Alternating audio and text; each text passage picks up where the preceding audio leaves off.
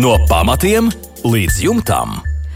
Sveicināti raidījumā no pamatiem līdz jumtam. Studijā Inese un būveksperts, tehnisko zinātņu doktors Juris Biršs ir gatavs sniegt padomus un arī atbildēt uz jūsu iesūtītajiem jautājumiem. Labvakar, Birškungs! Labvakar!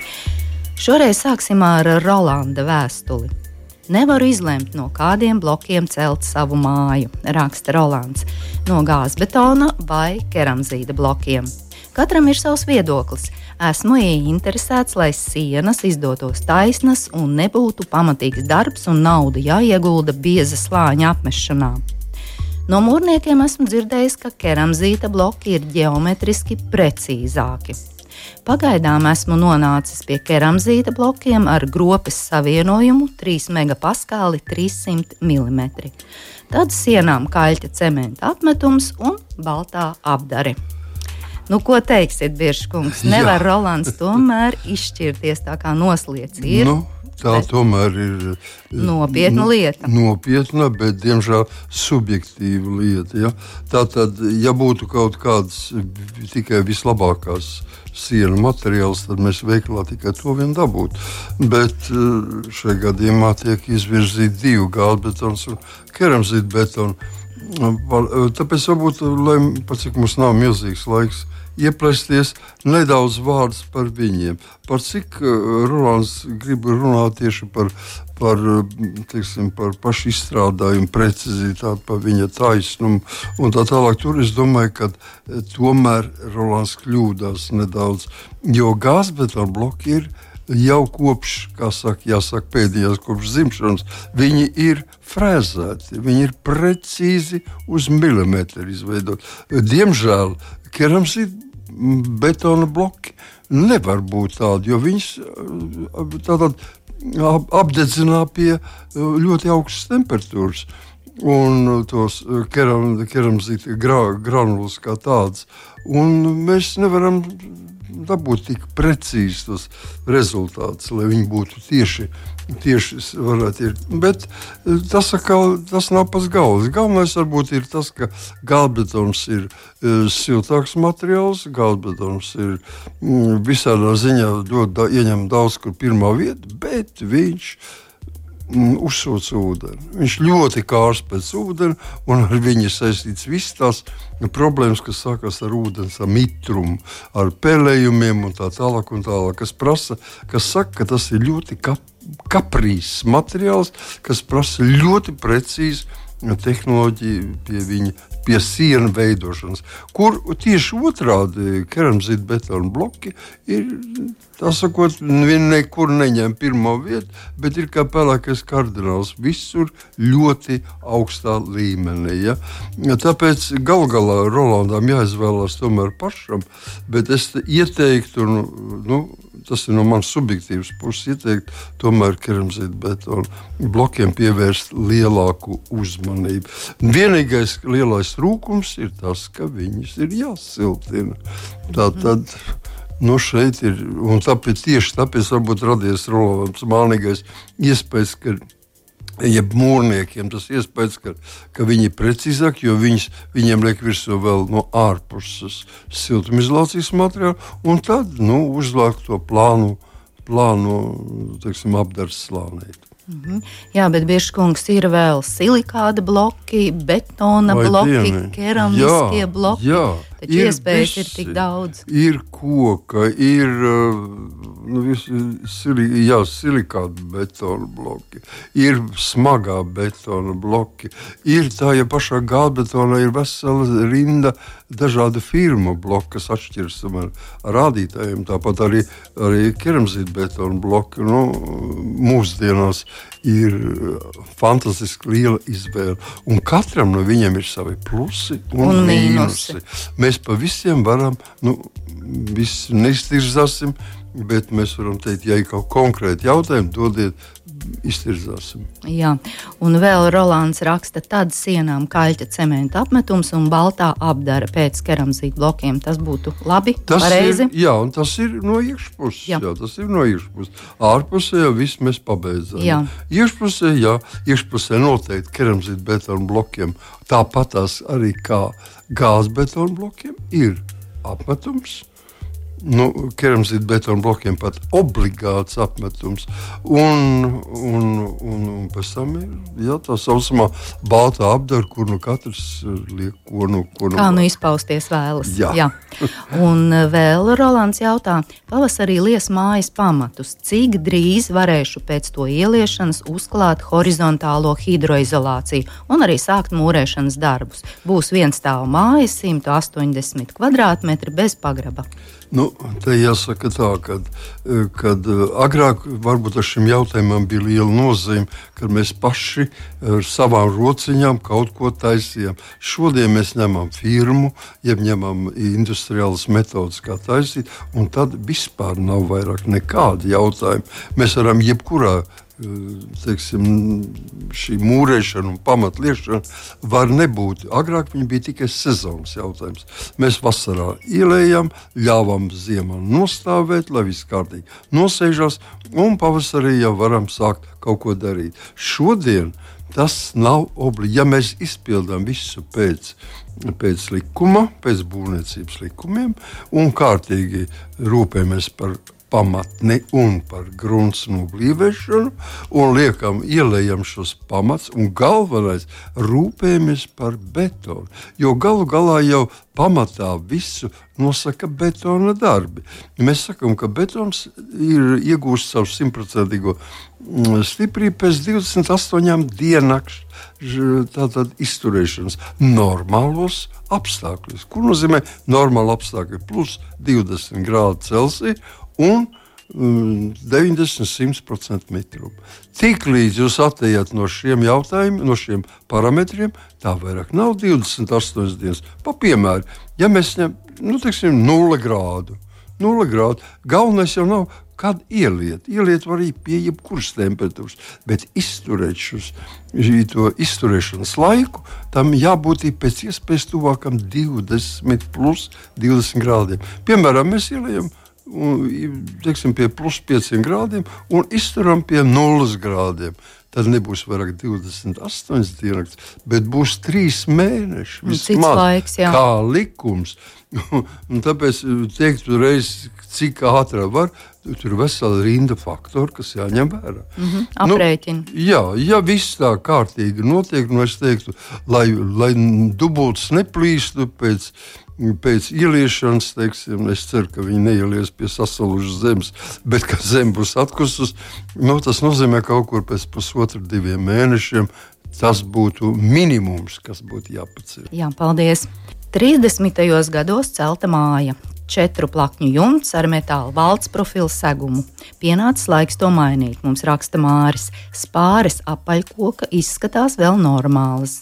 Varbūt arī kāda šķērslata būtu tomēr jānomaina. Bēniņu telpas grīda, griestu sijas, starp kurām piebērti izdeģi. Bēniņi ir augstie. Domāju šo grīdu siltināt ar ruļveida akmens vati. Par jumtu ir doma likt tādu pašu valsts profilu vai arī OSB un bitumena šindeļus. Un jautājums ir šāds, vai tiešām tur ir jāliek kāda plēve? Līdz šim viss darbojies bez tām, līdz šim rāpjoties cauri bēniņiem uz jumtu, nav nācies novērot mitrumu. Tātad valsts profila jumts vēlas māris mainīt pret valsts profilu vai arī OSB un bitumena šindeļus likt. Jā, nu, ko teiksit?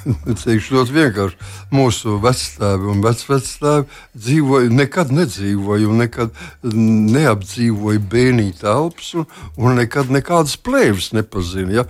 Tā, tikai tāpēc, ka viss pažobels bija vaļā, Kordaļa bija tikpat, kā varētu teikt, arī vaļā. Un šeit notika dabiskā ventilēšana. Ideāla ventilācija. Ideāli, ja ziemā bija augsts tikpat, cik ārā, vasarā, nu, cik tā īpaši uzturēties tur nevarēja, bija pasilts, bet vējoja vējš un viss tas tika veidināts. Šodien vai mēs atļaujamies tādas visi pažobels vaļā. Pažobels ir ciet, aizbāzts ciet, un, un kori ciet, un pamēģiniet tad, kas notiksies. Ja mēs dzīvosim šādā noslēgtā telpā, mums sāks pūt koka konstrukcijas, mums sāks vasaras laikā tur vispār nevarēs galvu iebāzt. Šeit būs vismaz 40 grādi karstums. Nu, tāpēc jautājums ir, kur tad ir? Vai, vai jā, Jā. tiešām jāliek tas plēvis? Plēvis. Plēvis ir jāliek. Ne, runa neiet par siltinājumu, ja?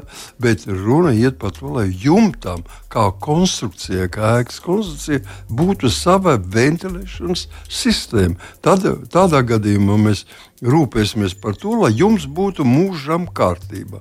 Nebūs uz viņa liekas sūnas, nebūs uh, mitrums, ne, nepūs mums latas un viss pārējais, ja mums būs šī iespēja gaisam pie pažobeles ieiet paz, uh, zem jumta telpā un uzreiz nonākt starp jumtu, segmateriālu un starp plēvi. Doties uz augšu, nevis telpā.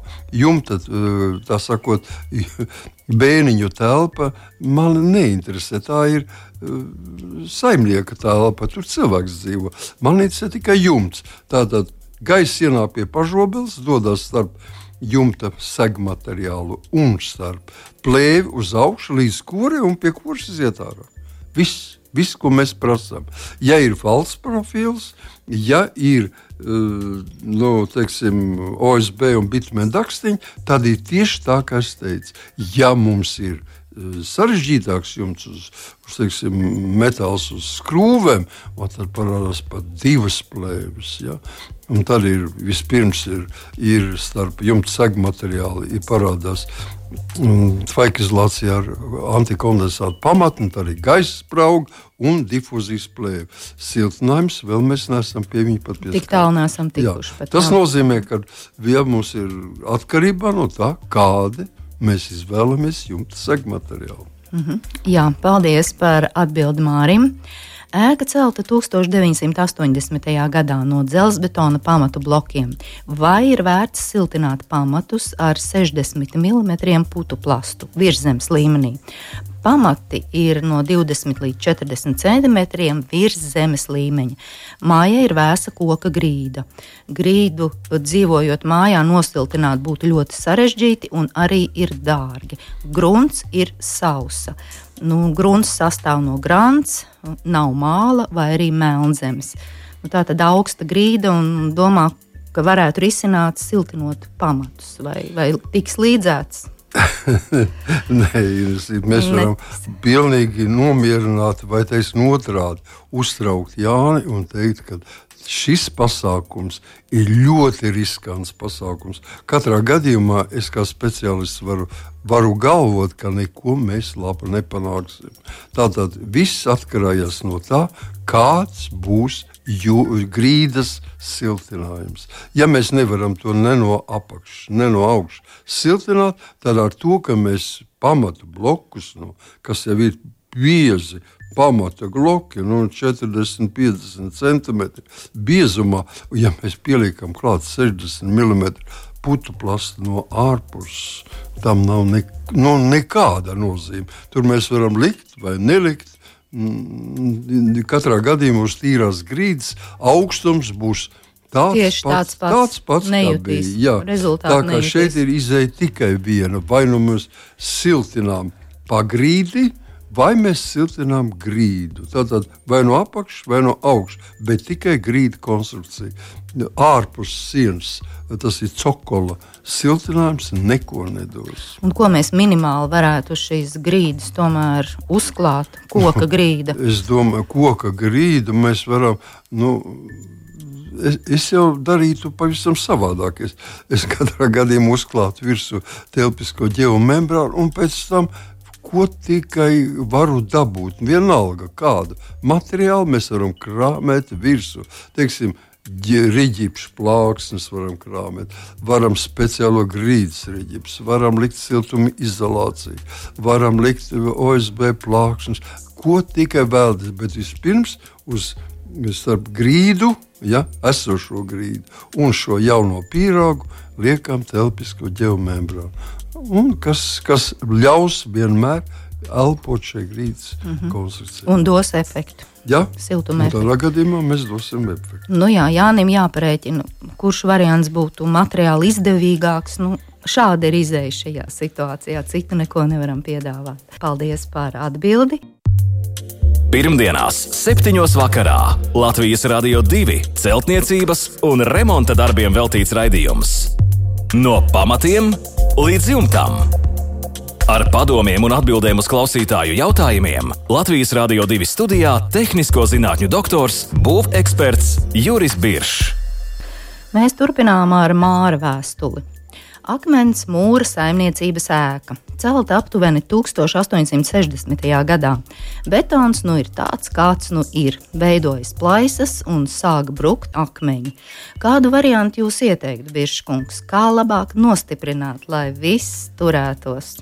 Jā, nu, vēsturisks gadījums, Jā. 1860. gadi. Nu, tas ir ļoti, ļoti sen, veselu gadu simteni vēl atpakaļ un vēl mazliet.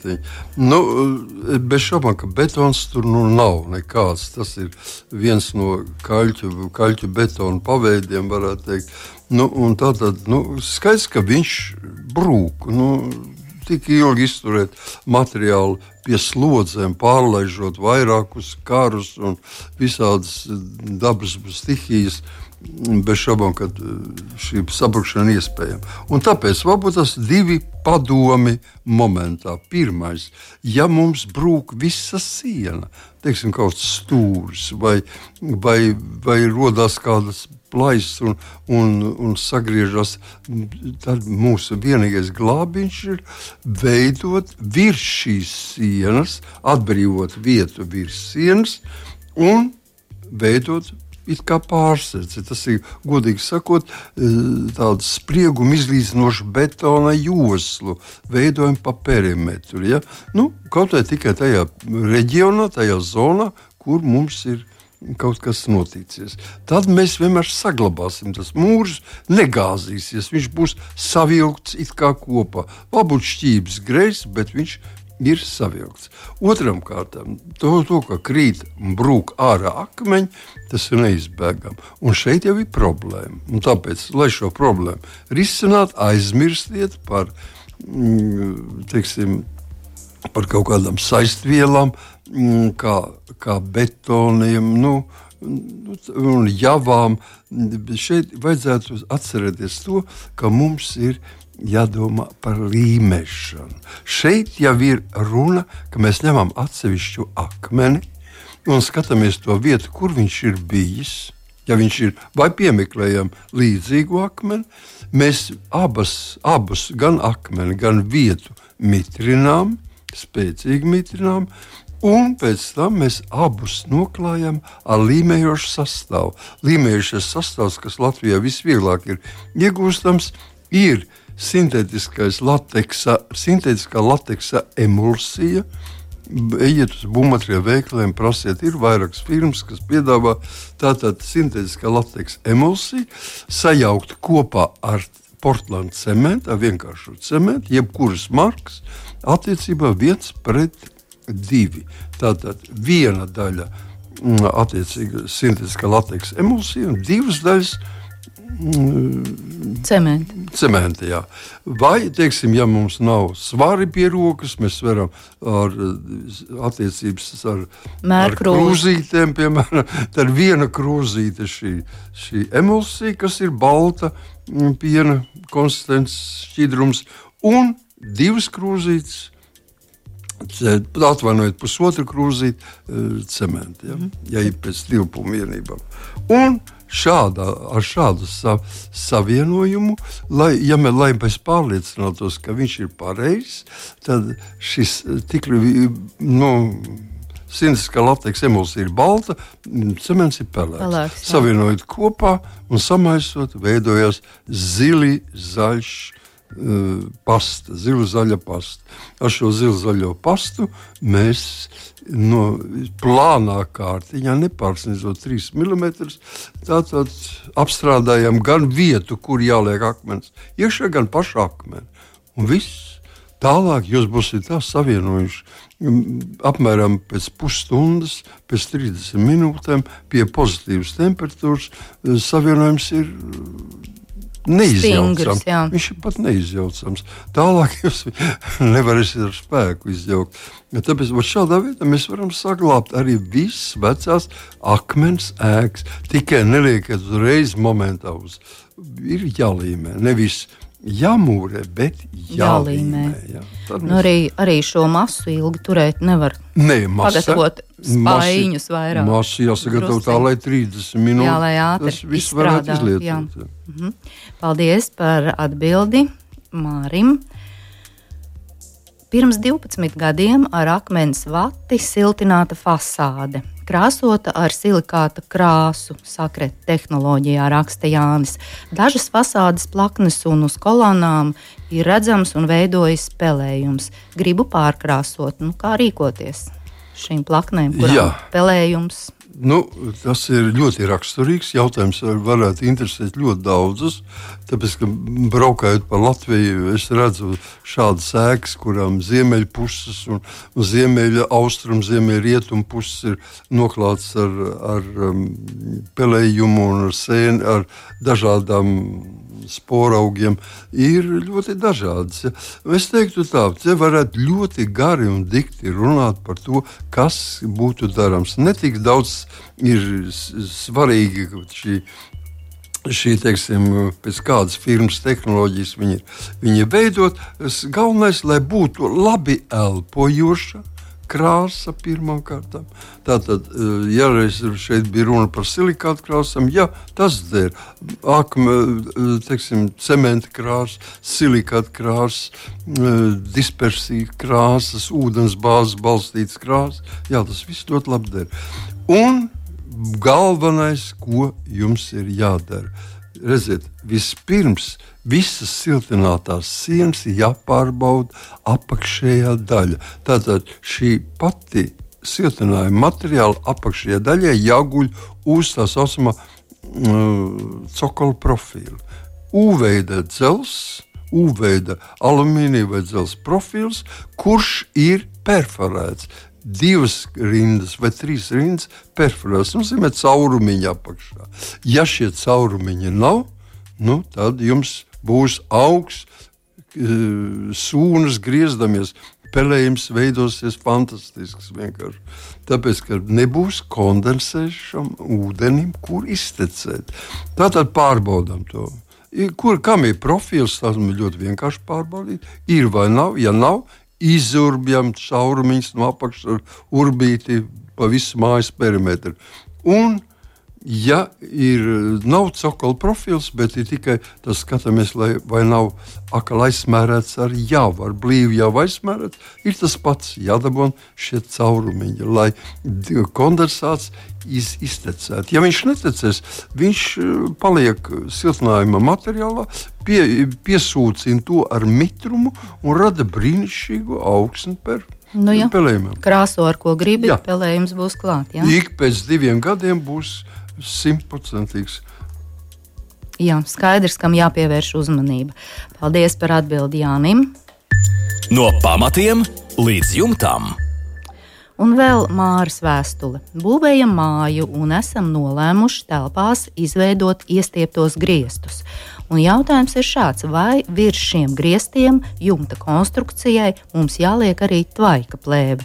Plānota ir viens tā vēka, paredzēti augstie veidināmie bēniņi, koka kopņu konstrukcija. Drošības pēc jau tvaika plēvu varētu ielikt, bet bažas raisa tas, kāds būs klimats starp divām plēvēm.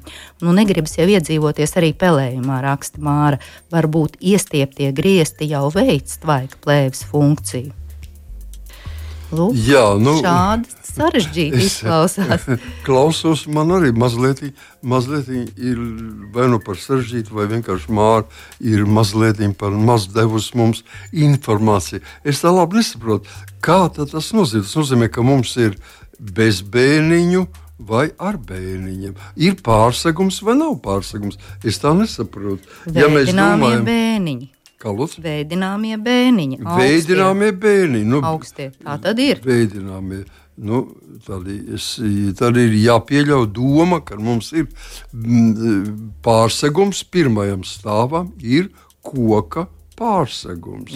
Šī, uz šī koka pārseguma tad uzliks virsū attiecīgs siltumizolācijas materiāls, un tur viss ir kā kārtībā. Apakšā zem pārseguma mēs veidojam iestieptos griestus. Nu, iestiepts vai nostiepts, kā nu katrs viņus sauc. Šie griesti ir nu, tādi nostiepjamie, iestiepjamie griesti. Parasti ir vai nu uz auduma bāzes, vai plastikāta bāzes, tātad sintētiskie.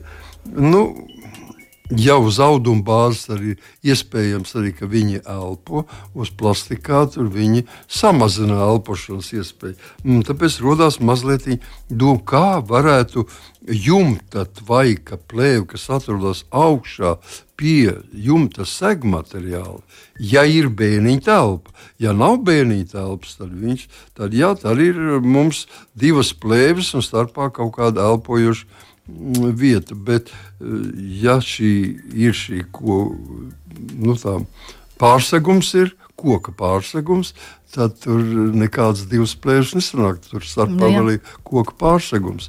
Tāpēc augšā mēs liekam to tvaikizolāciju tikai tajā gadījumā, ja mums ir jumta segmateriāls sastāvošs no gabaliņiem. Tātad, nu, teiksim, māla, skā, nu, šiem šindeļu. Šiem māla šindeļiem, vai, vai koku šindeļiem, vai, vai metāls uz skrūvēm. Nu, tad viņš sastāv no gabaliem, un tad, lai mūsu sniegs nekristu virsmu, šai gadījumā stāties priekšā, nu, mēs taču vēl jau vairāk, ja nebūs augšējā tā plēve, tad viņš kritīs uz to uz to, uz, un nebūs pārsegums, tad viņš kritīs uz to plēvi. Plēvi, ja nu nenes nekādu slodzi, plēvi ir plēvi. Viņa ir nostiepta, viņa ir skaista, balta, līdzena, bet viņa nenes slodzi. Ja? Absolūti nenes slodzi. Tāpēc nu, grūti pateikt, kas ir ja mēs tā precīzi to zinātu, man, es palieku tomēr pie tā, ka mums jumta segmateriāls noteiks, vai mums vajag tvaika. Tas ir tvaika izlasījis, mm, tvaika mm, plēvi ar antikondensāta pamatne vai difūzijas plēve.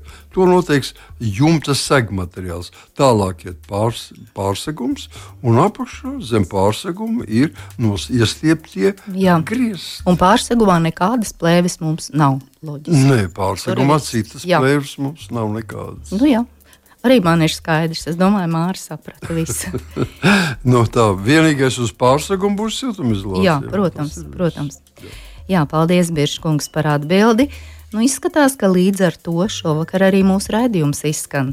Rakstiet vēstules, sūtiet jautājumus būvekspertam. Mūsu e-pasta adrese remonds at lr2.lv, un jautājumus varat iesūtīt arī caur mūsu Latvijas Radio 2 mājaslapu. Esam arī populārākajās raidierakstu straumēšanas platformās. Lai jums jauks, mierīgs, pavasarīgs vakars, un tiekamies pēc nedēļas! Visu labu! Pirmdienās, 7. vakarā Latvijas Rādio 2 celtniecības un remonta darbiem veltīts raidījums. No pamatiem līdz jumtam. Ar padomiem un atbildēm uz klausītāju jautājumiem Latvijas Rādio 2 studijā - tehnisko zinātņu doktors, būveksperts Juris Biršs.